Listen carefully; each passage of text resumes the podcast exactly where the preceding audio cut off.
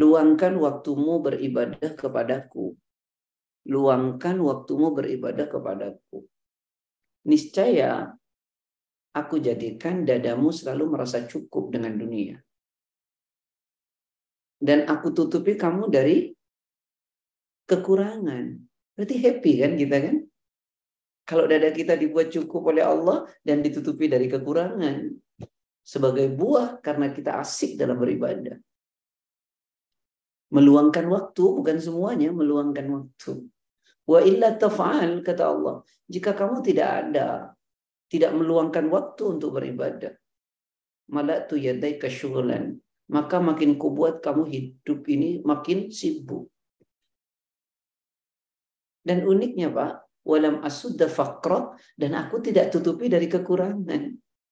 Makin jauh dari ibadah, makin sibuk dengan dunia, makin nggak pernah cukup. Jadi artinya seberapapun yang Anda raih, maka membuat Anda tidak happy. Karena kita tidak pernah merasa cukup. Yang membuat happy itu kan cukupnya, bukan banyaknya. Hati bisa menerimanya, bukan bendanya. Makanya dikatakan, ayo deh, ya mumpung kita masih hidup itu. Ini kesempatan beramal, mendatangkan pahala, menggugurkan dosa, menjadikan hidup bahagia dunia dan akhirat. Nanti ini, ya kan saya sering bilang hidup ini seperti tidur nyenyak. Kan? Saya ulangi, hidup ini seperti tidur nyenyak. Lalu dengan nyenyaknya tidur itu, ya kita asik dengan mimpi-mimpi indah. Sadarnya itu, Pak, nanti mulai kapan? Saat kematian datang. Saat masih hidup ya manusia lupa. Karena hidup ini asik, hidup ini permainan, hidup ini senda gurau, ya asik saja dengan dunia. Lupa kalau besok akan mati. Coba renungkan Quran. Surat Al-Ankabut ya, surat 29 ayat 64.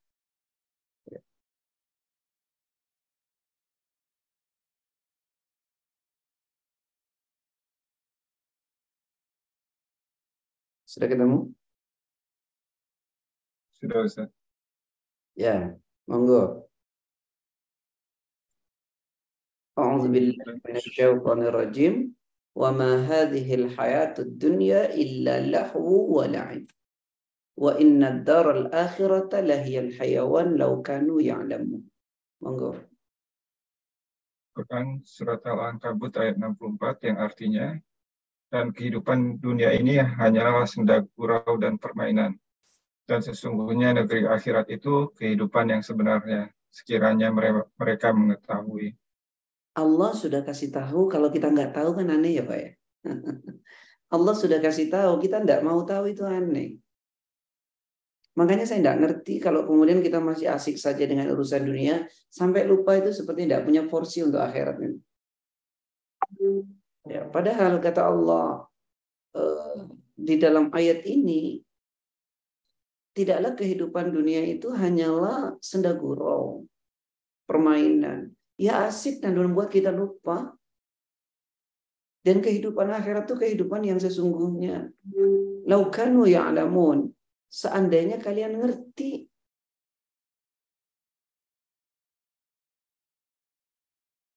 Bagaimana kemudian kita mau lupa dengan amalan soleh? Satu lagi deh, renungkan. Kita mau menukar senangnya akhirat dengan cuman kesenangan dunia semu gitu ya. Padahal dunianya itu nggak ada apa-apanya jika dibandingkan dengan akhiratnya. Quran eh, surat 22 ayat 47. Wa yastajilunaka bil adabi ولا يخلف الله وعده إن يوما عند ربك كألف سنة مما تعدون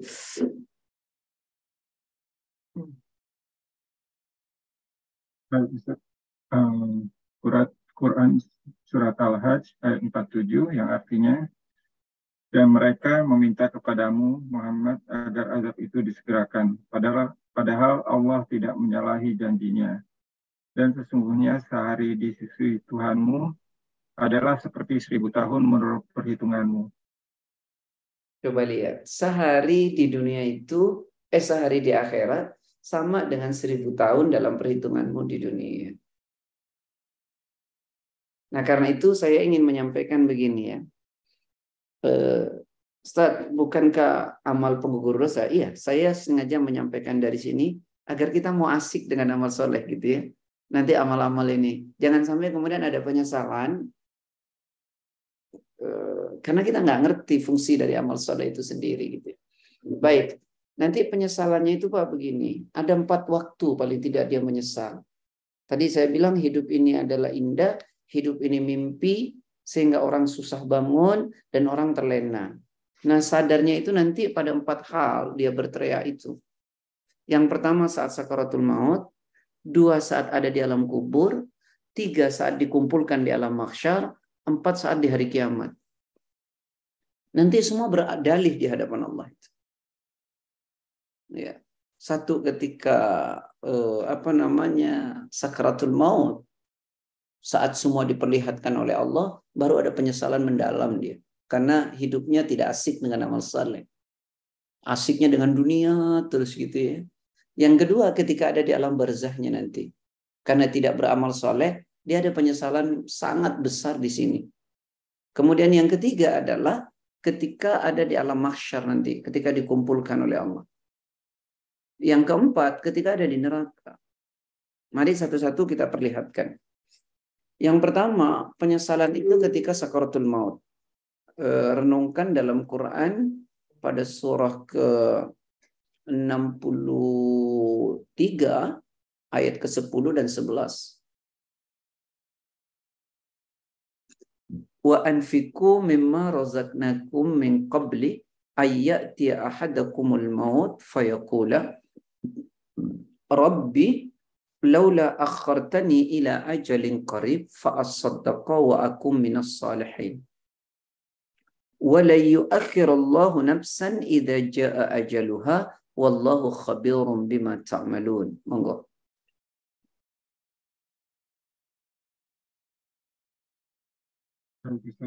uh, surat Al-Munafikun ayat 10 dan 11 yang artinya dan infakkanlah bagian apa yang telah kami berikan kepadamu sebelum kematian datang pada salah seorang di antara kamu.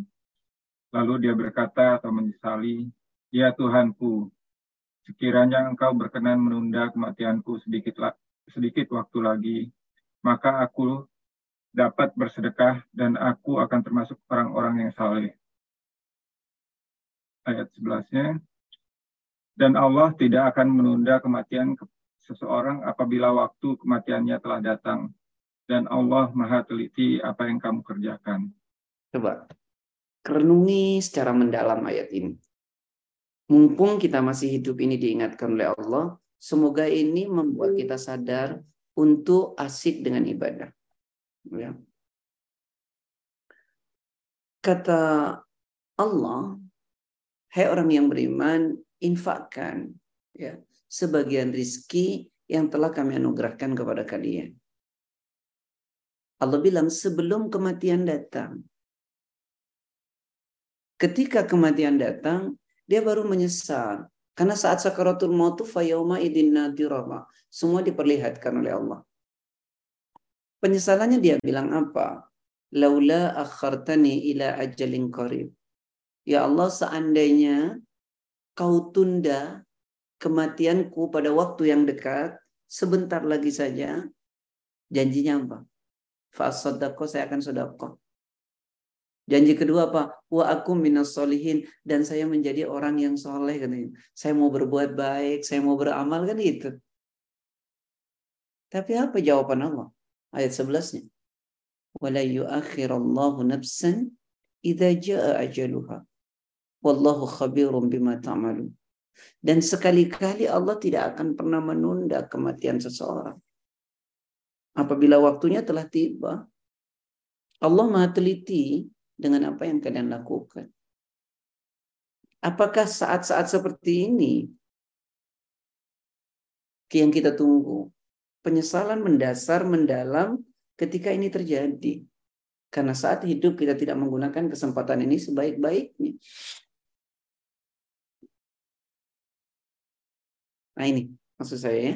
Ayo kita asik dengan amal soleh sebagai penggugur dosa, pendatang pahala dan melahirkan kehidupan yang baik. Itu penyesalan pertama itu ya. Uh, penyesalan keduanya itu nanti ketika dikubur ya ketika sudah masuk ke dalam alam barzah. Ya, ini dijelaskan dalam Quran uh, surat 23 Al-Mu'minun ayat 99 sampai 100. Hatta idza jaa ahadahumul maut qala rabbirji'un la'alli a'malu salihan fima taraktu kalla innaha kalimatun huwa qailuha wa min waraihim barzahun ila yaumi yub'atsun. Quran surat Al-Mu'minun ayat 99 sampai 100 yang artinya Demikianlah keadaan orang-orang kafir itu hingga apabila datang kematian kepada seorang dari mereka, dia berkata, Ya Tuhanku, kembalikanlah aku ke dunia ayat 100-nya artinya agar aku dapat berbuat kebajikan yang telah aku tinggalkan. Sekali-kali tidak. Sesungguhnya itu adalah dalih yang diucapkannya saja. Dan di hadapan mereka ada barzah sampai pada hari mereka dibangkitkan. Coba renungkan itu. Ya, sampai ketika kematian datang kepada salah seorang di antara mereka orang-orang yang ingkar kepada Allah. Apa yang dia katakan? Qala dia berkata irji'un. Kembalikan lagi aku ke dunia ya Allah. Ini kan penyesalan.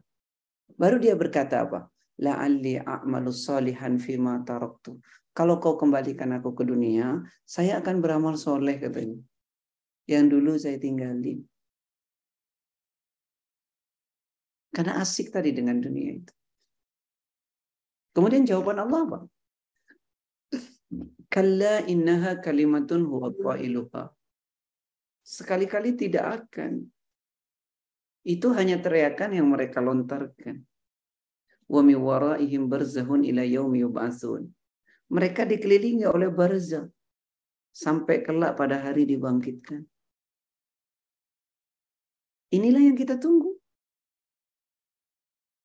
Penyesalan ketika kita sudah ada di kubur, yang dalam hadis diterangkan nanti kemudian merapat sampai tulang belulang menjadi remuk. Yang dikatakan oleh Nabi Baitul Turab rumah tanah, Baitul Wahdah rumah kesunyian, Baitul Dud rumah belatung. Itukah yang kita tunggu? Ikhwani wa ikhwati fillah yang dirahmati oleh Allah Subhanahu wa taala. Ini kan perlu direnungkan. Tapi unik, kita sudah tahu masih saja hidup ini membuat kita lalai. Karena urusan dunia. Lupa dengan akhirat. Lupa dengan ibadah. Dan ternyata memang orang-orang seperti ini ya banyak. Ya semoga Allah menjaga kita dari hal seperti ini. Allah gambarkan pada surat 21 ayat 1. Surat 21 surat Al-Anbiya ayat 1 iqtaraba linnasi hisabuhum wa hum fi ghaflatin mu'ridun. Dia ayat 1 yang artinya telah semakin dekat kepada manusia perhitungan amal mereka, sedang mereka dalam keadaan lalai dengan dunia, berpaling dari akhirat. Coba lihat. Sungguh telah makin dekat bagi manusia hari memperhitungkan amalnya. Artinya kan kematian kita makin dekat untuk mempertanggungjawabkan apa yang kita lakukan. Kalau makin dekat berarti mati makin dekat. Tapi manusia tetap dalam keadaan lalai. Karena urusan dunia, karena yang ada di otaknya cuma dunia, dunia, dunia, dunia, dunia, dunia, dunia, dunia, dunia. Terus merasa happy, bangga dengan dunia yang dia miliki, asik, begitu. Lalu kemudian kata Allah berpaling dari akhirat. Wajar kalau Rasul pernah mengatakan, eh, kata ulama, hubbud dunya ra'su kulli khati'ah. Kecintaan kita kepada dunia itu menjadi pangkal semua kerusakan. Orang selama ini hanya berpikir bahagia itu dunia, dunia, dunia hanya itu. Makanya kemudian melakukan segala cara untuk meraih dunia. Padahal kata Allah ketika itu dimiliki pun jadi fitnah. Innama amwalukum wa auladukum fitnah. Hartamu, anakmu adalah fitnah. Nah ini penyesalan yang kedua. Pak. Kita bersyukur ya betul kepada Allah. Allah memberi dalil, Allah memberi petunjuk Al-Quran. Kita tahu nanti nyesel gini lu, nanti nyesel lu kamu kalau dikubur. Kamu nyesel ketika kita mati. Kita Alhamdulillah Allah beri kita pemahaman itu. Sehingga kita tidak terlena. Yang ketiga nanti Pak. Penyesalan mendalam ketika dikumpulkan di alam mahsyar.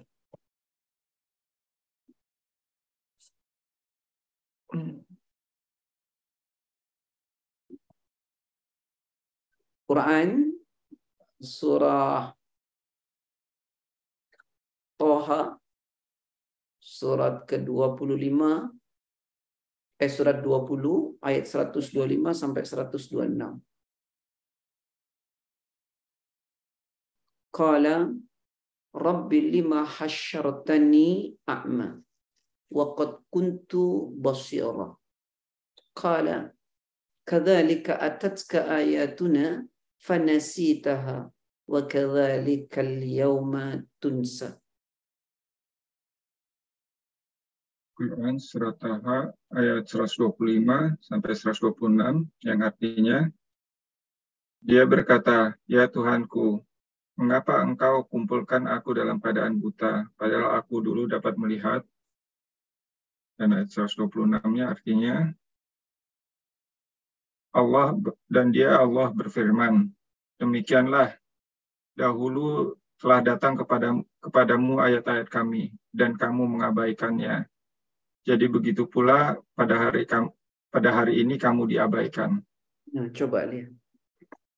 Ini kan penyesalan yang sangat luar biasa. Kala berkata ya, Rabbi lima hasyartani a'ma. Ra, kenapa kau kumpulkan kami dalam keadaan buta? Waqad kuntu basira. Padahal aku dulunya adalah orang yang bisa melihat. Kenapa sekarang aku jadi buta? Protes dia sama Allah.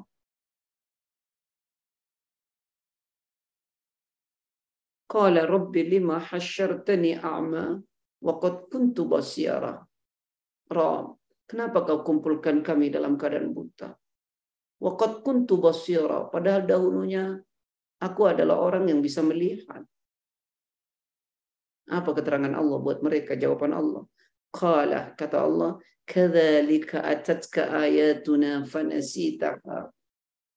Yang demikian itu karena telah datang ayat-ayat kami, peringatan kami kepada kalian. Fanasitaha. Tapi kalian melupakannya. Kalian gak peduli dengan ayat Allah. Gak peduli dengan perintah Allah. Gak peduli dengan larangan Allah. Gak peduli dengan agama. Asik dengan dunia. Wa Dan demikianlah pada hari ini kamu dilupakan. Kamu juga tidak diingat oleh Allah. Bagaimana mau diingat oleh Allah? Kalian gak ingat dengan peringatan Allah. Begitu juga hidup ini kan. Kita pengen dijaga oleh Allah. Kita pengen diingat oleh Allah. Tapi kita nggak pernah ingat Allah. Padahal Allah sudah bilang, ingat aku, aku ingat kamu. Kamu nggak ingat aku, gimana aku mau ingat kamu, kata Allah. Wajar kalau kamu asik dengan kemaksiatan, asik dengan hal yang Allah larang. Karena kamu gak pernah ingat aku. Ingat Allah, kita diingat oleh Allah. Jauh kita dari Allah, Allah pun jauh. Coba renungkan Quran surat Al-Baqarah 152. Fadhkuruni adhkurkum washkuruli wa la takfurun.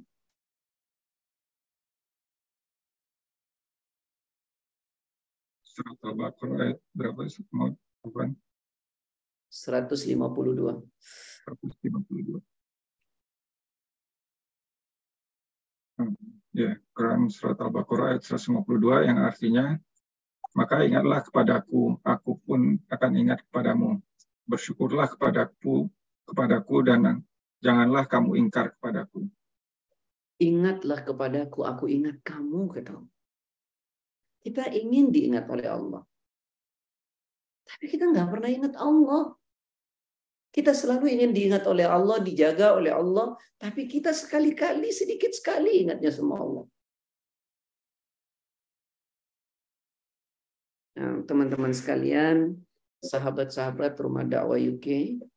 Jadi tadi yang ketiga itu ada penyesalan kenapa dikumpulkan kami dalam keadaan buta ya Allah. Padahal kami dulu melihat. Kata Allah yang demikian itu karena telah datang kepadamu ayat-ayat aku, ayat-ayat Allah. Tapi kalian melupakan. Maka saat ini dilupakan oleh Allah nanti di alam mahsyar. Jadi intinya di dunia kita buta, maka di akhirat kita buta. Di dunia bukan buta matanya, buta terhadap kebenaran. Maka di akhirat dibutakan juga oleh Allah. Quran surat Al-Isra surat 17 ayat 72.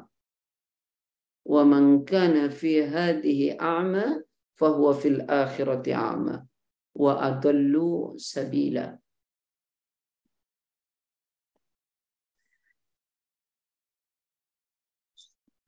Ayat 72 ayat 17 surat Al-Isra ayat 72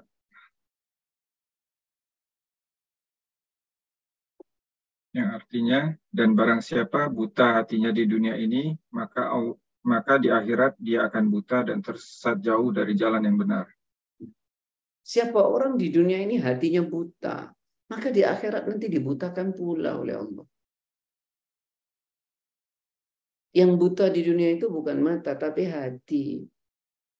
Hatinya bisa melihat, telinganya bisa mendengar, akalnya bisa berpikir, tapi kalau hatinya buta, apa yang difikirkan tidak bisa dipraktekkan, apa yang didengar nggak bisa diimplementasikan, apa yang dilihat tidak bisa dijawantahkan dari ayat-ayat Allah itu.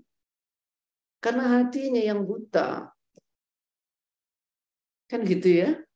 Orang kalau hatinya buta, dengar ayat Allah, tahu ayat Allah, paham, lihat ayat Allah, apakah bisa diimplementasikan? Tidak mungkin. Makanya Allah bilang yang buta bukan matanya tapi hatinya. Quran surat 22 ayat 47. Ayat 46 mohon maaf. Afalam yasiru fil ardi fatakuna lahum qulubu yaqiluna biha adanu yasma'una biha fa innaha la ta'mal absaru walakin ta'mal qulubu allati fis sudur.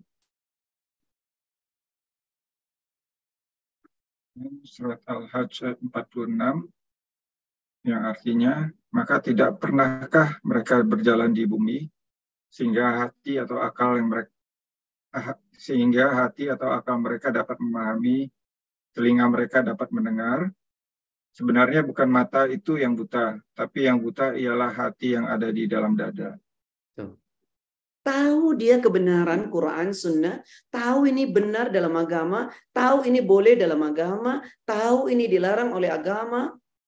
Tapi hatinya yang tidak terima. Ini orang bahaya. Rugi nanti di akhirat. Tahu. Akalnya ngerti ini benar. Ini boleh Tahu telinganya ini lihat nih ayat, ini hadis, ini boleh, ini tidak boleh. Dia dengar ini boleh, ini tidak boleh. Tapi hatinya tidak terima. Kenapa? Karena pertimbangannya duniawi. Takut itu, takut ini, enggak begitu, enggak begini. Ini yang membuat celaka. Baik, teman-teman sekalian, sahabat-sahabat rumah paduka, eh rumah dakwah, afwan, ingat lama. Jadi, ikhwani wa ikhwati fillah, penyesalan ketiga tadi ketika di mana? Alam mahsyar. Jangan sampai itu nanti dibutakan baru kita tanya sama Allah, kenapa kau butakan aku ya Allah? Nanti Allah bilang, karena telah datang ayat Allah kepadamu, tapi kamu cuek. Maka hari ini pun dicuekin kamu oleh Allah. Mau itu, kita tidak mau kan. Karena kita nggak mau beramal saleh. Yang terakhir nanti nyeselnya itu di mana? Di neraka. Itu sudah akhir. Ya. Nyeselnya di neraka. Quran surat 35 ayat 37. Wahum yastarikhuna fiha Rabbana akhrijna na'mal salihan ghaira alladhi kunna na'mal. Awalam nu'ammirkum ma yatadhakkaru fihi man tadhakkar wa ja'akumun nadhir fadhuku fama lidh-dhalimin min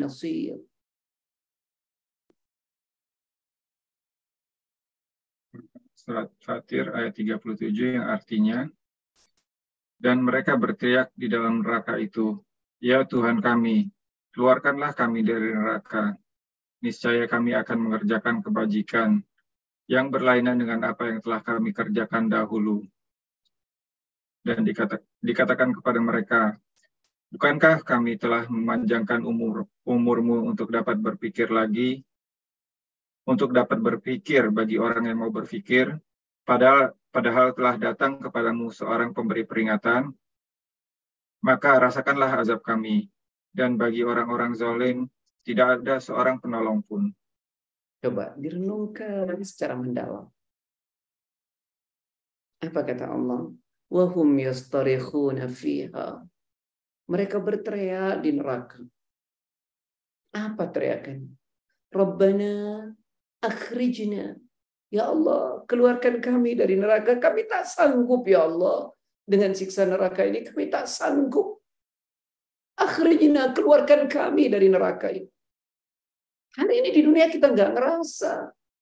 Nanti ini Allah yang kabarkan dan ini pasti benar. Rabbana akhrijna. Ya Allah keluarkan kami dari neraka ya Allah. Lalu dia bilang apa? Na'mal salihan ghairal ladzi kunna na'mal. Kau kau keluarkan aku dari neraka, aku akan beramal soleh ya Allah. Tidak seperti yang dulu saya lakukan. Saya asik dengan dunia. Saya korbankan akhirat demi gengsi dunia. Saya takut dengan cemoohan orang. Saya takut dengan apa yang dikatakan orang. Saya lebih asik dan peduli dengan dunia ini. Apa kata Allah di ayat itu? Awalam nu'ammirkum, bukankah aku telah memberi umur panjang buat kamu? Bukankah kami telah memberi waktu buat kamu untuk berpikir? Kamu dikasih umur panjang, kesempatan, waktu untuk berpikir bagi orang yang mau berpikir. Wajakumun nadhir dan telah datang pemberi peringatan kepada kalian Rasulullah Al-Quran hadis sahabat tabi'in tabi'ut tabi'in. Kemudian para ulama sudah datang memberi peringatan. Wajakumun nadhir fadhuku kata Allah maka rasakanlah. Fadhuku maka rasakanlah. Fama lidzalimina min nasir rasakan azab ini Fama min nasir. Maka tak ada seorang penolong pun bagi pendosa. Nah, ikhwani wa ikhwati fillah yang dirahmati oleh Allah Subhanahu wa taala. Yuk kita asik ya. Mulai kita amal soleh, amal soleh. Jangan ada penyesalan. Jangan ada penyesalan. Penyesalannya bukan hari ini, tapi dalam empat masa tadi. Satu ketika sakaratul maut. Dua, ketika dikubur. Ketiga, ketika ada di alam mahsyar. Keempat, ketika sudah di neraka. Nah, teman-teman sekalian, sahabat-sahabat rumah paduka yang semoga Allah merahmati. Waktu masih ada. Kesempatan masih tersisa. Orang baik bukan orang yang tidak pernah salah. Maka gunakan kesempatan waktu yang Allah berikan ini untuk terus beramal soleh sebagai penggugur akan kesalahan yang kita lakukan pada masa lampau dan penambah pahala buat kita dan untuk mendatangkan kehidupan yang baik dunia dan akhir. Sahabat yang saya cintai karena Allah, saya ingin berikan frame. Amal soleh yang kita lakukan juga tidak akan ada gunanya. Saat kita beramal tidak ada keikhlasan. Saya ulang, amal soleh yang kita lakukan menjadi tidak guna. Saat tidak ada keikhlasan, kita melakukannya. Maka amal itu menjadi tidak manfaat. Oleh karena Rasul pernah mengatakan, innamal a'malu bin niyati wa innama likulli imri'in Setiap perbuatan itu digantungkan kepada niat. Dan seseorang mendapatkan tergantung apa yang dia niatkan. Maka luruskanlah dalam setiap melakukan apa pun. Luruskan karena Allah. Luruskan karena Allah. Datang pahala, penggugur dosa. Lalu kemudian banyak hal-hal lain yang akan kita dapatkan. Yang kedua, kalau itu ibadahnya sifatnya ibadah mahdha, ittiba Rasul. Ikuti Rasul. Ya, kalau itu ibadahnya ibadah mahdhah, ittiba Rasul, ikuti Rasulullah. Ruang kreasi dan inovasi tidak boleh. Nggak ada ruang kreasi dan inovasi dalam ibadah mahdhah. Baku. Kemudian penting ini untuk dipahami yang ketiga. Karena ibadah itu menjadi hilang. Kenapa? Durhaka kepada orang tua. Ya. Durhaka kepada orang tua menjadikan ibadah tak bernilai. Karena ridhonya Allah pada orang tua kita. Murkanya Allah pada murka orang tua kita. Artinya orang tua kita tidak ridho, Allah tidak ridho. Selama ini tentu tidak bertentangan dengan syariat. Karena kalau bertentangan dengan syariat, maka hukum Allah yang dipakai. Karena ada kaidah la ta'ata li makhlukin bi maksiatil khaliq. Jangan kau taat kepada makhluk siapa pun itu kalau itu dalam rangka bermaksiat kepada Allah. Ya. Nah, teman-teman sekalian, maka ayo jangan pernah durhaka sama orang itu. Ya. Jangan pernah durhaka karena itu menjadi penghambat. Kita tidak mendapatkan keridhaan Allah. Ketika Allah tidak ridho, lalu bagaimana amal kita bisa diterima?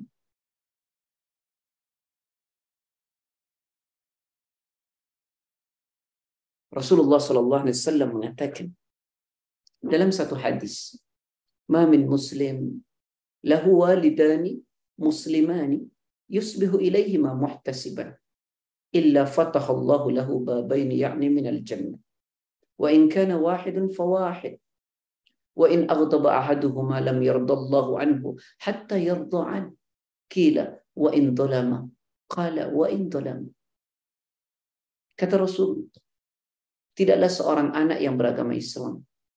Dia mempunyai dua orang tua, dua-duanya Muslim. Lalu dia berbuat baik kepada keduanya yang hanya berharap pahala dari Allah. Maka kalau Allah bukakan dua pintu surga untuknya. Kalau dia punya hanya satu orang tua, lalu dia berbuat baik kepadanya, maka satu pintu surga dibuka untuknya. Jika kedua orang tuamu atau salah satunya tidak ridho kepadamu, maka Allah tidak akan pernah ridho sampai Allah ridho kepada sampai orang tuamu ridho. Sahabat tanya, bagaimana kalau orang tua kami dolim? Iya, sekalipun orang tuamu dolim. Dolim dalam urusan dunia maksudnya. Nah, teman-teman sekalian yang dirahmati oleh Allah, karena itu ayo ya, jangan sampai eh, mohon maaf ya, kita durhaka sama orang tua. Ya, jangan pernah. Karena kedurhakaan pada orang tua kita menyebabkan terhalangnya ridho Allah. Ta'atullah, ta'atul walid. Ini Abu Hurairah yang menuturkan. Termasuk ketaatan kepada Allah adalah ketaatan kepada orang tua. Wa maksiatullah maksiatul walid. Dan termasuk kemaksiatan adalah kepada Allah adalah kemaksiatan kepada orang tua. Maka karena itu teman-teman sekalian, sahabat-sahabat, ayo kita beresin hidup ini ya dalam ibadah ikhlas, mengikuti Rasul kalau itu ibadah mahdoh. Yang kedua, jangan sampai kita durhaka kepada orang tua. Dari Abdullah bin Umar, Falasatun la yanturullah ilaihim yaumal qiyamah. Ada tiga model manusia yang kelak tidak dilihat oleh Allah di hari kiamat. Siapa tiga adalah al-aqu liwalidai, yaitu orang yang durhaka kepada orang tuanya. Orang yang durhaka kepada orang tuanya. Dia tidak akan pernah dilihat oleh Allah. Ya, nanti kelak di hari kiamat. Tidak akan diperhatikan oleh Allah di hari kiamat. Ya, orang yang durhaka kepada orang tua. Yang ketiga, yang kedua, wal mar'atu mutarajjilah. Perempuan yang menyerupai laki-laki. Ya. Tidak akan diperhatikan oleh Allah kelak di hari kiamat. Dicuekin oleh Allah. Padahal kita semua di hari kiamat hanya minta perlindungan dari Allah. Di mana hari itu tidak ada perlindungan kecuali perlindungan Allah. Yang ketiga siapa? What the youth. The youth itu tahu. The youth itu apa ya? Uh, suami yang mendiamkan kemaksiatan yang terjadi pada istrinya. Itu the youth namanya. Ya, yang cuek seorang suami istrinya bermaksiat, istrinya selingkuh atau macam-macam cuek, maka itu namanya dayuth. Ya.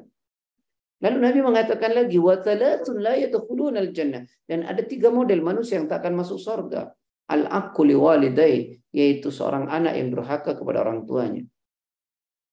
Yang kedua al-mudminul khamri yaitu peminum khamr wal mannan bima orang yang suka mengungkit pemberian. Nah, teman-teman sekalian, ya, mari kita bereskan dari tiga hal itu sehingga ibadah kita mendatangkan nilai kebaikan, menggugurkan dosa dan melahirkan kehidupan yang baik. Nah, lalu amalan apa yang kelima Ustadz secara khusus yang akan mendatangkan e, menggugurkan dosa? Ya. Kemarin katanya sudah empat. Ya. Yang kelima, amalan pengukur dosa adalah ini amalan ringan sekali, Pak. Tapi luar biasa. Apa itu? Menyingkirkan bahasanya duri di jalan. Artinya menyingkirkan sesuatu yang menghalangi di jalan. Masya Allah ya.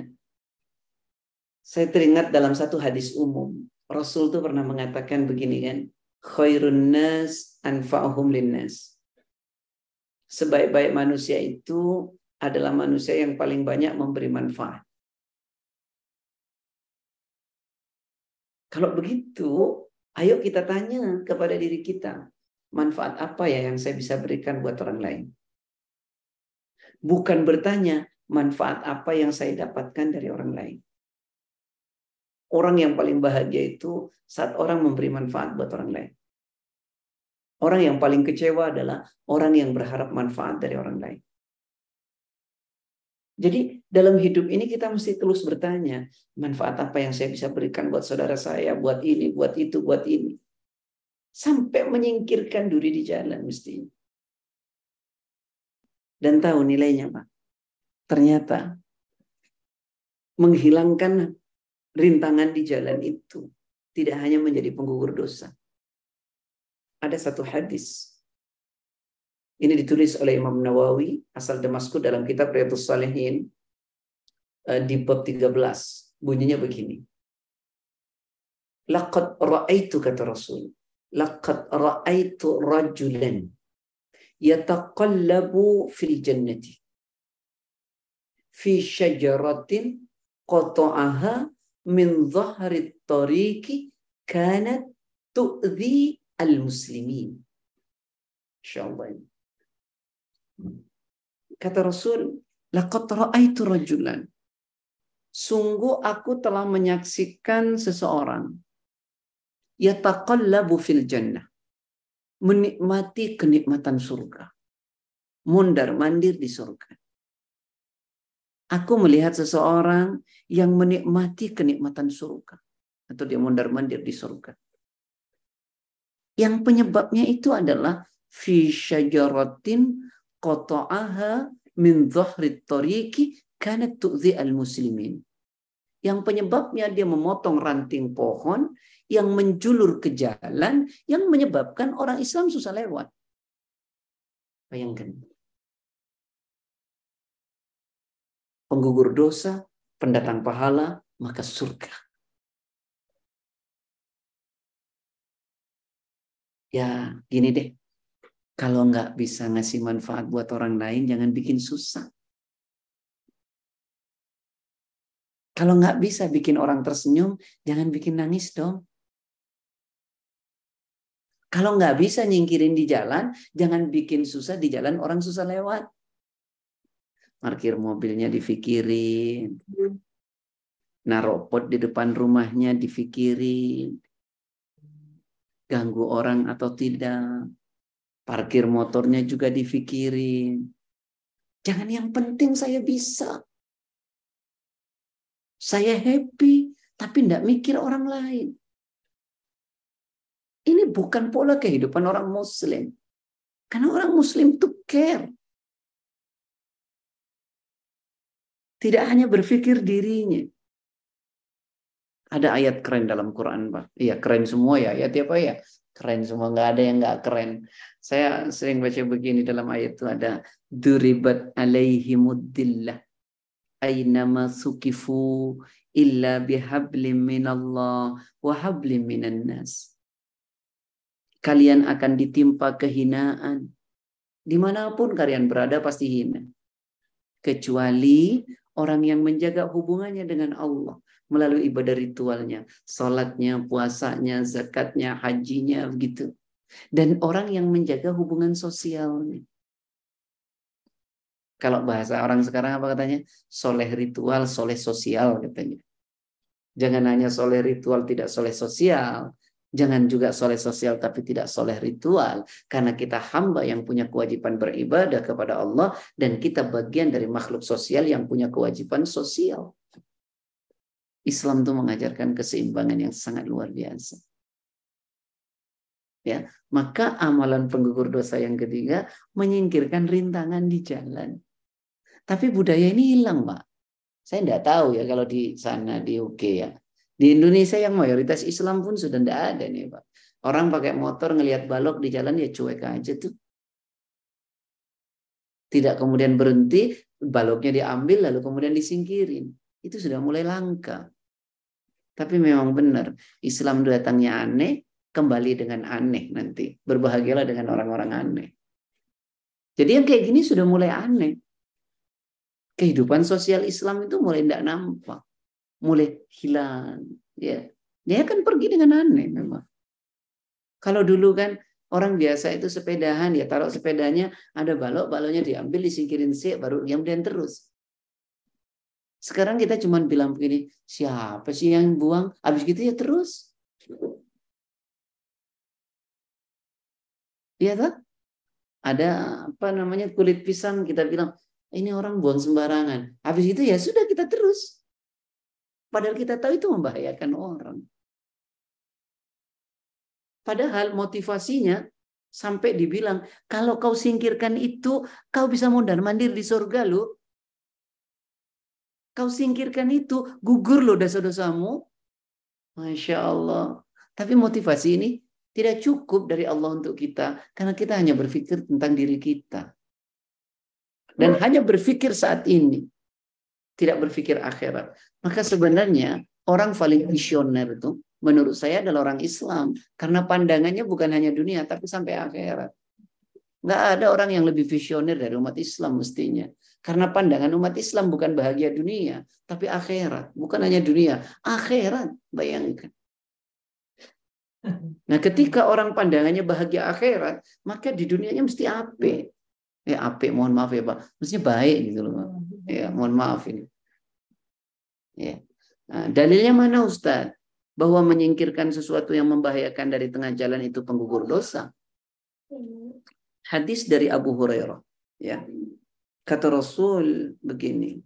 Bainama rajulun yamshi bitarikin wajada ghusna saukin ala tariki.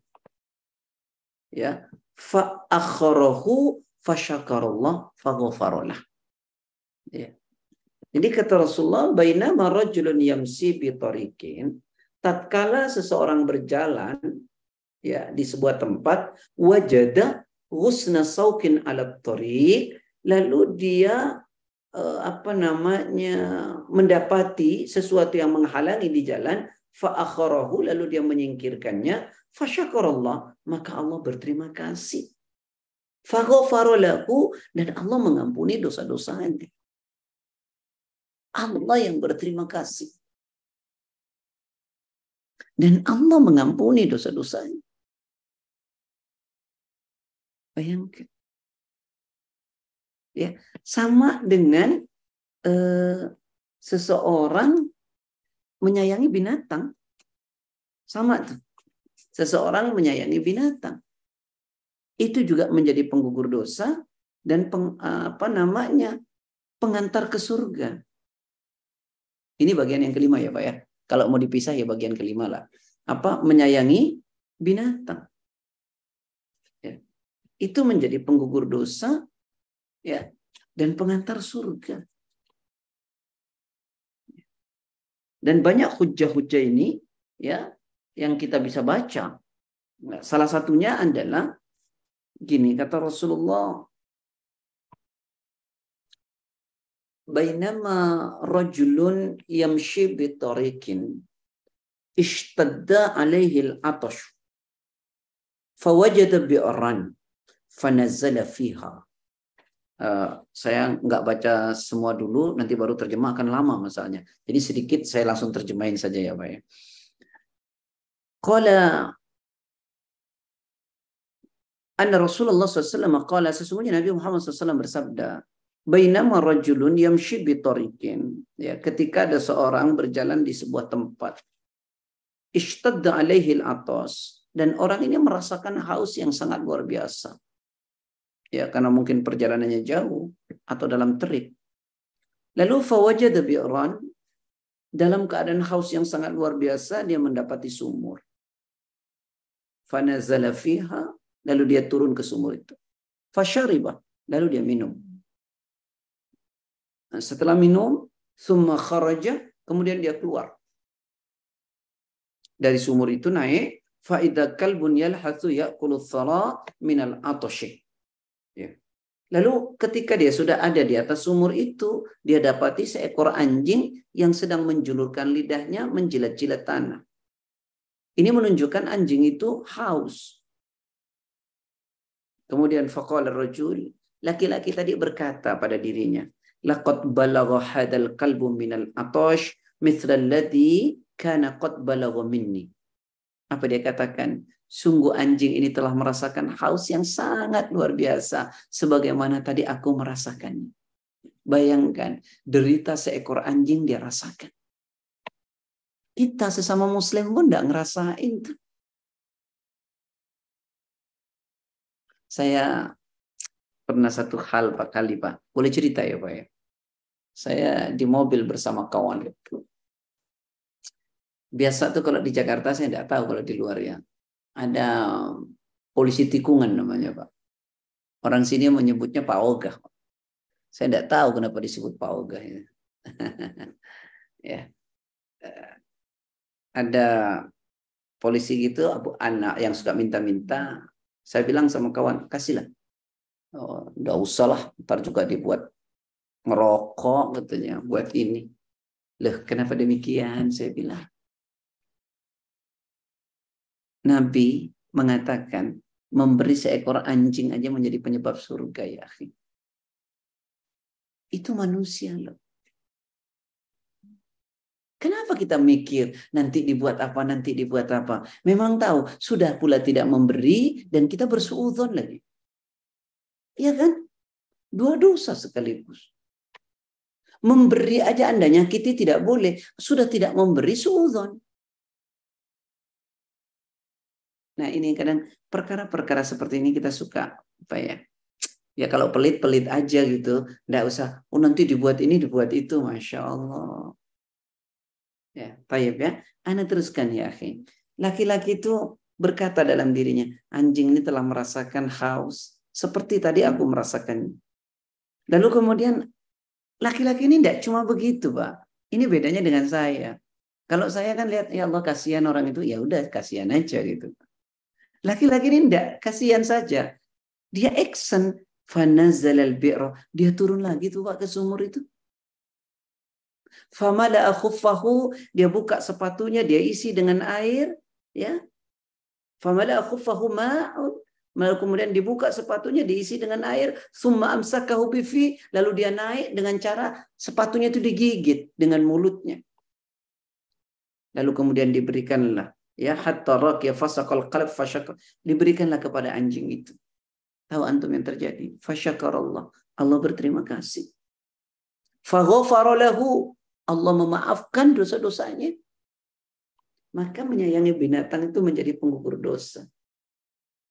Qalu semua sahabat bertanya, "Ya Rasulullah, wahai Rasulullah, inna lana fil bahaimi ajran." Apakah buat kami pahala ya Rasulullah kalau kami menyayangi binatang?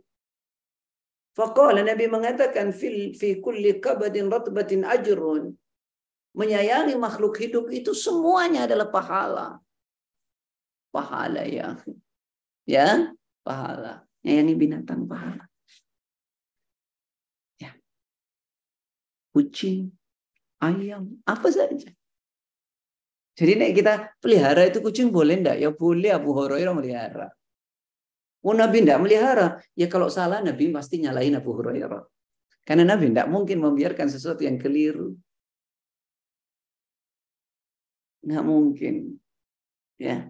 Jadi ikhwani wa ikhwati fillah, amalan keenam berarti tadi apa ya? Amalan keenam adalah menyayangi bina bina. Gimana Pak? Tinggal 15 menit mau tanya jawab Pak. Boleh deh Ustaz, udah ada dua pertanyaan dan Baik. sebenarnya saya juga ada pertanyaan nih tadi yang silakan. Mungkin tapi uh, uh, didahulukan dari yang sudah masuk dulu nih Ustaz. Baik. Saya share screen. Uh, ini ada pertanyaan pertama nih Ustaz. Assalamualaikum warahmatullahi wabarakatuh. Izin bertanya Ustaz, sehubungan dengan menutup uh, dosa dengan kebaikan yang tadi Ustadz sebutkan. Apakah ibadah umroh bisa menghapus dosa bagi wanita yang umroh tanpa mahram? Terima kasih Ustadz. Ikhwani wa ikhwati fillah, saudaraku, saudariku yang saya cintai karena Allah. Anda tadi sampaikan, ibadah itu ada dua. Ada ibadah yang sifatnya sosial, itu asal hukumnya boleh. Selama tidak dilarang. Silakan berkreasi, silakan berinovasi dalam dimensi sosial. Ada ibadah yang sifatnya ritual. Ibadah sifatnya ritual itu asal hukumnya haram, kecuali yang diperintah. Maka ruang kreasi dan inovasi ditutup rapat-rapat. Kalau demikian, maka ibadah memenuhi tiga standar. Harus memenuhi tiga standar. Yang pertama ada hujah, ada rujukan dalil. Ini loh perintahnya. Kerjakan. Umroh ada. Ya. Yang kedua adalah apa? Kaifiahnya. Kaifiahnya mengikuti Rasulullah. Bagaimana cara umrohnya yang benar? Yang ketiga tujuannya karena Allah. Nah, sekarang bagaimana Rasulullah mengatakan bahwa bagi seorang wanita itu perjalanan harus dengan mahram. Kan begitu ya? Harus dengan mahram. Makanya ibadah tidak boleh pakai nafsu, tapi pakai hujah. Nah, kemudian ulama berpendapat ya dari dalil yang sama, jika perjalanan itu tidak menimbulkan fitnah dan bersama dan perjalanan yang pertama kali dalam umrah maka tidak ada masalah. Tapi yang kedua kali sudah tidak boleh. Kalau memang dia tidak punya mahram. Ya. Kalau dia ada suami, suaminya tidak sempat, tunggu sampai suaminya sempat. Gitu. Ini berdasar ketika Rasulullah wafat, Aisyah pergi haji ditemani oleh siapa? Abu Bakar menyuruh Utsman dan Ali untuk menemani. Gitu ya. Pada perjalanan pertamanya sebagian ulama mengatakan boleh. Untuk yang kedua tidak boleh selama perjalanannya tidak mengandung fitnah, aman bersama dengan kelompok. Wallahu a'lam. Ya, jadi kalau mau tadi yang Ustadz bilang itu perjalanan umroh sama yang pertama dan keduanya itu sudah balik kembali dulu ya ke rumah ya Ustaz ya? Oh, tentu, tentu. Tidak bolak-balik di sana ya. ya, ya. Kan Tidak kebiasaan bolak orang Indonesia berkali-kali ya, umroh di sana. Ya, begitu dah. begitu dah. uh, pertanyaan yang kedua, saya kembali share screen, Ustaz. Assalamualaikum warahmatullahi wabarakatuh. Izin bertanya Pak Ustadz, Bagaimana hukumnya seorang anak yang melakukan dosa besar hingga punya anak di luar nikah dan menyerahkan pada orang lain untuk dibesarkan dengan merubah identitas asal si anak yang merupakan anak di, uh, yang lahir di luar nikah tersebut. Dosakah orang tua si perempuan atas perbuatan anaknya itu? Bagaimana hukumnya bila ada ada saudara yang tahu tentang hal itu? Apakah sebaiknya memberitahu kepada orang tua si perempuan tersebut atau keluarganya karena anak di luar nikah itu adalah anak laki-laki. Apakah kelak berhak menerima waris saatnya ibunya saat ibunya meninggal walaupun dia anak di luar nikah? Ya, yang dirahmati Allah. Bagaimana hukumnya seorang anak yang melakukan dosa besar hingga punya anak di luar nikah dan menyerahkannya kepada orang lain untuk dibesarkan dengan merubah identitas asal si anak yang merupakan anak di luar nikah? satu-satu ya. Yang pertama, akhi orang baik bukan orang yang tidak pernah berbuat salah, tapi orang baik adalah orang yang sadar kalau dia pernah berbuat salah. Datanglah kepada Allah, tobat. Ya. Datanglah kepada Allah, tobat. Ya, mohon. Nah, anaknya sampaikan kepada orang yang diberi itu bahwa ada penyesalan kekeliruan dari saya telah merubah identitas anak itu. Sampaikan kalau anak itu bukan anakmu. Kalau itu adalah anakku sampaikan. Nah, itu yang itu. Lalu kemudian setelahnya serahkan kepada Allah. Ya. Wah, ininya tadi pertanyaannya di anu ya, Pak. Di di uh, nah, saya baca satu-satu, Pak. Maaf, maaf. Ya, jadi itu ya ikhwani wa akhwati fillah. Datang kepada Allah, ya. Inna Allah yaghfiru dzunuba. Qul ya ibadiyalladzina asrafu ala anfusihim la taqnatu min rahmatillah. Inna Allah yaghfiru dzunuba jami'a innahu huwal ghafurur rahim. Katakanlah wahai hamba-hambaku yang melampaui batas terhadap diri mereka sendiri. Janganlah kalian putus asa dari kasih sayang Allah. Sungguh Allah memaafkan dosa-dosa semuanya. Sungguh dia Allah maha pengampun lagi maha penyayang. Dosakah orang tua si perempuan atas perbuatan anaknya itu? Jika anak itu sudah akil balik, ya, sudah besar dan dididik oleh orang tuanya, maka orang tuanya terlepas dari dosa itu.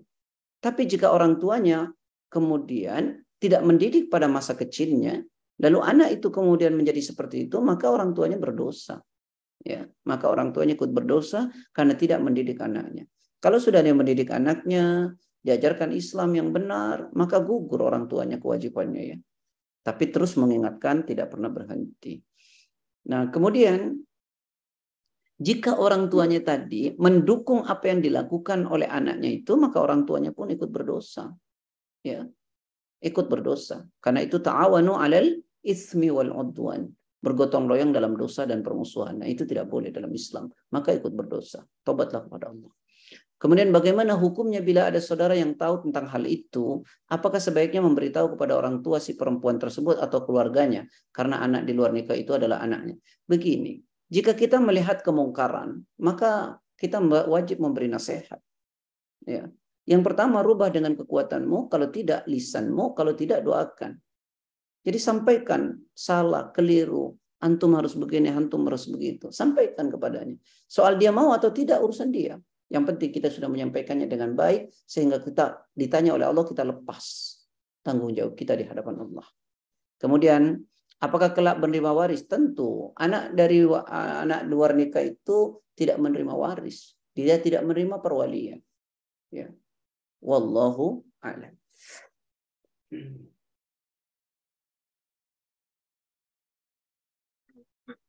ini mungkin ada ada dua lagi pertanyaan masuk Ustaz. Mungkin saya sekalian sambung ya Ustaz. Pak Ustaz, uh, di sekitar rumah saya banyak yang suka minta-minta uang.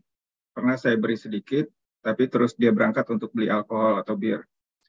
Saya jadi enggan untuk memberi lagi karena tinggal di negara non-muslim ini. 80% pasti uang yang diberikan dibelikan uh, dibelikan alkohol. apakah saya berdosa? Ini mungkin komentar yang sama nih Ustaz. Tadi karena Ustaz bilang kita tidak boleh berburuk sangka. Tapi uh, kita juga di London terutama ya Ustaz, hmm. kita kadang-kadang melihat ada orang yang homeless di pinggir jalan. Um, terus terang kalau sama sampai saya pun saya agak eh, nggak uh, mau ngasih duit Ustaz. Jadi kalaupun ada lagi ada kelebihan, saya tanya ke mereka, mereka butuh makanan apa dan biasanya ada toko di samping. Jadi kita belikan sesuatu yang istilahnya yang masih ya tidak meng, tidak tidak dibelikan yang aneh-aneh lah gitu Ustaz. ya bagaimana nih Ustaz? Ikhwani wa ikhwati fillah. Ini berbeda kasus. Ini jauh antara UK dengan Indonesia. Indonesianya tadi di pengkolan gitu ya. Ya, ini di UK gitu ya. Jadi begini, kalau kita tahu memang orang itu kalau saya kasih duit beli alkohol, maka justru kalau kita ngasih malah berdosa. Ya. Jadi kalau kita tahu orang itu kalau kita kasih duit, kita lihat dia beli alkohol, kita ngasih malah kita dosa karena kita sudah tahu. Itu namanya bergotong royong dalam maksiat dan dosa. Nah, tadi perbedaannya kalau itu di pinggir jalan ya, kita tidak tahu, jangan suudon gitu ya. Kalau ini kita jelas-jelas tahu, maka malah bukan hanya eh, apakah berdosa tidak memberi, malah harus tidak memberi. Malah harus tidak memberi. Nah, tetapi kalau dia memang kelaparan, seperti Bapak tadi bilang, takut dia dibeli ini, maka kita belikan sesuatu yang berguna untuk dia makan, maka Bapak dapat pahala. Ya, itu namanya sudah memberi, memberikan lagi. Pahalanya berlipat. Wallahu a'lam. Ya. Jadi, kalau sudah tahu, Jadi, jangan ya. Ya, kita takutnya sebenarnya di sini karena itu ya Ustaz ya, kebiasaan orang sini mungkin pertama yang mereka bilang kebutuhan utamanya itu yang minuman itu Ustaz. Oh Masya Allah. Oh, itu kebutuhan utama ya? Masya Allah. Kayaknya su udah udah sulit lepas Ustaz gitu. Jadi kalau hmm. apalagi yang buat homeless karena mereka tidur di luar dengan alasan satu satu, satu yang lainnya gitu dingin apa segala macam jadi itu bikin mereka hangat apa gimana gitu Ustaz. Pokoknya dengan macam alasan lah. Iya, iya. Ya tidak, tidak boleh Pak. Kalau kita sudah tahu malah haram kita memberinya. Bukan Baik, bukan bolehkah tidak memberi, bukan itu. Malah haram kalau memberi. Karena itu termasuk dalam bergotong royong dalam dosa dan maksiat. Baik, Baik Allah. Uh, ini pertanyaan yang satu lagi Ustaz sudah masuk. Um, ini, ini terkait dengan merasakan penderitaan orang atau makhluk hidup makhluk lain, bagaimana sikap kita terhadap penderitaan bangsa Palestina, Ustaz? Kita yang punya kemampuan harta, bantu saudara kita. Kita tidak punya kemampuan harta, kita doakan. Semoga Allah memberi keselamatan. Allah membebani kepada kita sesuai dengan kesanggupan kita. Allah tak bebani kita kalau tidak sesuai dengan kesanggupan. Jangan berangkat sendiri, saya mau perang. Tidak ada begitu kecuali difasilitasi oleh negara kita. Kalau tidak tidak boleh. Ya, kalau kita tidak boleh. Maka yang perlu kita lakukan sekarang adalah kita punya harta kita berikan. Kita tidak punya, maka kita berdoa kepada Allah. Kita berdoa kepada Allah. Ya semoga Allah mengangkatnya. Dan semoga Allah memenangkan umat Islam. Allahumma aizzal Islam wal muslimin. Begitu ya ikhwan. Wallahu a'lam. Ya kalau Jadi kalau ada harta kita bisa salurkan ke lembaga yang menyalurkan ke sana gitu ya Kredibel. Lembaga-lembaga kredibel. Sebab di Jakarta Baik. banyak juga nih Pak lembaga non lembaga bahkan perorangan yang datang. Saya berkali-kali itu ketemu ngobrol dia, ini begini begini begini. Aduh, anda tidak percaya. Mendingan anda ikut lembaga kasih ke lembaga. Dan di Saudi juga banyak itu. Nanti di masjid-masjid itu mereka datang mana min Palestina. Wah, cerita macam-macam macam-macam. Oh, tapi anak sekolah, anak pernah coba. Ya kalau begitu butuh apa kita? Anak belikan kitabnya yuk. Anda oh, uangnya saja. Antum butuh uang, bukan butuh kitab. Eh, serius tuh Pak. Itu di Masjidil Haram. Dia cerita begini-begini. Anda ngaji, Anda min Palestina. Gitu ya.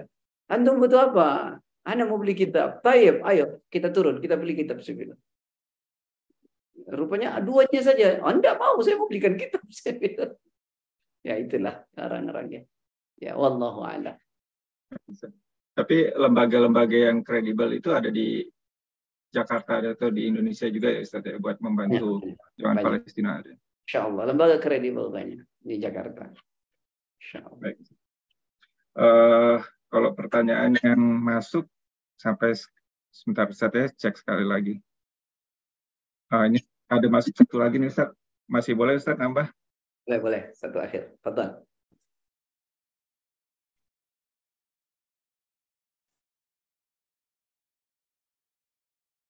Kalau membantu antara ke Palestina atau saudara atau dibagi dua mana yang lebih dahulukan kalau yeah. uangnya pas-pasan. kalau uang-uangnya pas-pasan, pakai skala prioritas. Kalau antum lihat tetangga antum tidak makan, tetangga antum yang dahulu. Ya, antum uangnya pas. Ada misalnya anda punya uang sepuluh ribu. Saudara anda tidak bisa beli beras. Maka saudara antum, tetangga antum yang antum kasih. Kalau ada tetangga, kemudian ada saudara dekat, saudara antum lebih dulu. Ya gitu ya. Karena tak sempurna iman seseorang yang dia dalam keadaan kenyang sementara tetangganya dalam keadaan lapar. Ya, tapi kalau antum uangnya 10 miliar ya akhi. Saudara antum kasih di tetangga antum. Berapa juta ke Palestina berapa juta? Ahsan itu ya akhi. Allah anda berdoa semoga antum yang bertanya uangnya banyak. Ya. Amin. Amin. Ya Karena kemampuan antum luar biasa. Tapi hebatnya dalam Islam tuh Pak. Kita melihat orang kaya bersodako, bersodako. Lalu kita berkata, nanti kalau saya kaya, saya akan seperti orang itu. Kita dapat pahala sama dengan orang itu. Misalnya, nih ya, parolan bersodoko banyak gitu ya. Terus saya bilang, ya Allah, saya nanti kalau kaya saya mau Pak Roland, saya akan berbuat sama. Saya dapat pahala seperti Pak Roland. Tapi kalau ada orang kaya gitu pelit, karena pelit dia kaya. Lalu dia bilang, gue juga kalau kaya mau pelit kayak dia. Dosa kita sama sama dia. Belum kaya udah dosanya sama lagi. kan mendingan kita sama kayak parolan, pahalanya sama gitu loh, Pak. Masya Allah. Ya, makanya Islam itu berarti kan niat kita itu harus dipenuhi dengan kebaikan-kebaikan. Karena orang tuh mindsetnya, niatnya penuh dengan kebaikan, pasti actionnya kebaikan. Tapi kalau mindsetnya buruk, pikirannya buruk, pasti actionnya semua buruk. Maka penuhi saja dengan kebaikan, kebaikan, kebaikan. Itu membentuk kita jadi baik nanti insya Allah. Jangan pernah terbesit sedikit pun yang jelek-jelek. Yang baik-baik aja di semuanya. Insya Allah. Saya nanti kalau punya duit saya mau begini. Saya kalau punya ilmu mau begini. Saya lewat kalau ada begini saya mau begini. Penuhi aja dengan kebaikan. Insya Allah. Ya, para nanya, mudah-mudahan manfaat ini. Insya Allah Ustaz. Maaf agak lemes karena lagi sakit perut. Oh, Afwan hmm. Ustaz, ini waktunya jadi bertambah jadi sampai malam ya, di jam 9 ya Ustaz di sana ya. Betul nopo-nopo, betul nopo-nopo. Eh, betul nopo-nopo, enggak apa-apa ya Pak. uh, kalau gitu pertanyaan saya, saya simpan aja dulu kalau gitu Ustaz. Um, baik Ustaz nih. Apa-apa, Pak Roland mau nanya-nanya dulu. Enggak, ini mungkin singkat aja nih Ustaz tadi yang ada satu tadi yang Ustaz bilang tiga model manusia yang nantinya tidak dianggap di hari kiamat. Tadi kan Ustaz bilang yang durhaka, terus uh, laki-laki yang dayus, sama yang kedua tuh sebenarnya perempuan yang menyerupai laki-laki ya tadi Ustaz bilang. Betul Pak. Yang perempuan yang menyerupai laki-laki ini apakah itu secara tampilan saja atau termasuk yang mohon maaf di Ustaz yang yeah. di yang kalau di negara-negara barat ini kan banyak yang gerakan feminisme, equality, laki-laki dan perempuan sama. Itu apakah termasuk dalam kategori ini, Ustaz? Am. Bahkan kalau kita lihat ulama mengatakan dalam gaya berbicara, dalam gaya berpakaian, dalam gaya bersikap. Itu saja masuk semua itu kata ulama. Ya, makanya laki-laki kalau berkata jangan seperti perempuan. Bergaya jangan seperti perempuan. Berpakaian pun tidak boleh seperti perempuan. Perempuan juga demikian. Nah, cuman kadang-kadang sekarang ini orang sudah harus semua sama. Ini bagaimana ceritanya? Nggak boleh dalam Islam. Kehilangan identitas fitrah. Ya. Begitu Pak. Baik, Ustaz ini juga berhubung tidak ada yang present yang mau bertanya langsung mungkin kali ini mungkin sudah terwakilkan dari pertanyaan-pertanyaan yang tadi masuk uh, mungkin kita bisa sudahkan kajian kali ini Ustaz. Hidup ini sebentar. Sebentarnya hidup sangat menentukan untuk perjalanan panjang kita di akhirat. Kesempatan masih ada. Maka isi dengan amal saleh. Dengan kebaikan-kebaikan. Jangan sampai muncul penyesalan ketika saat kita meninggal. Saat ada di kubur. Saat dikumpulkan di alam mahsyar. Dan saat ada di neraka. Berterima kasih, bersyukur kepada Allah. Allah memberi kita memahami ayat-ayat. Memahami agama yang benar. Sehingga akan membuat kita lebih baik di dunia ini yang akhirnya kita akan meraih keridoan dari Allah Subhanahu wa taala. Semoga Allah merahmati kita semua. Barakallahu fikum. Assalamualaikum warahmatullahi wabarakatuh. Waalaikumsalam warahmatullahi wabarakatuh. Jazakallah khair Ustaz atas uh, waktu dan ilmunya. Dengan berakhirnya kajian kali ini, mari kita tutup kajian kali ini dengan membaca doa kafaratul majlis. Subhanaka Allahumma wa bihamdika asyhadu an la ilaha illa anta astaghfiruka wa atubu ilaik. Semoga kajian kali ini bermanfaat bagi kita semua. Dan untuk menyimak kembali, kembali kajian kali ini dan kajian-kajian sebelumnya, silahkan kunjungi channel YouTube kami di channel Rumah Dakwah UK ataupun lewat platform RSS, Apple maupun Google Podcast. Kami dari panitia mohon maaf jika ada kekurangan dan kesalahan dalam penyelenggaraan kajian. Barakallahu fikum wabillahi taufiq wal hidayah. Wassalamualaikum warahmatullahi wabarakatuh. Waalaikumsalam warahmatullahi wabarakatuh.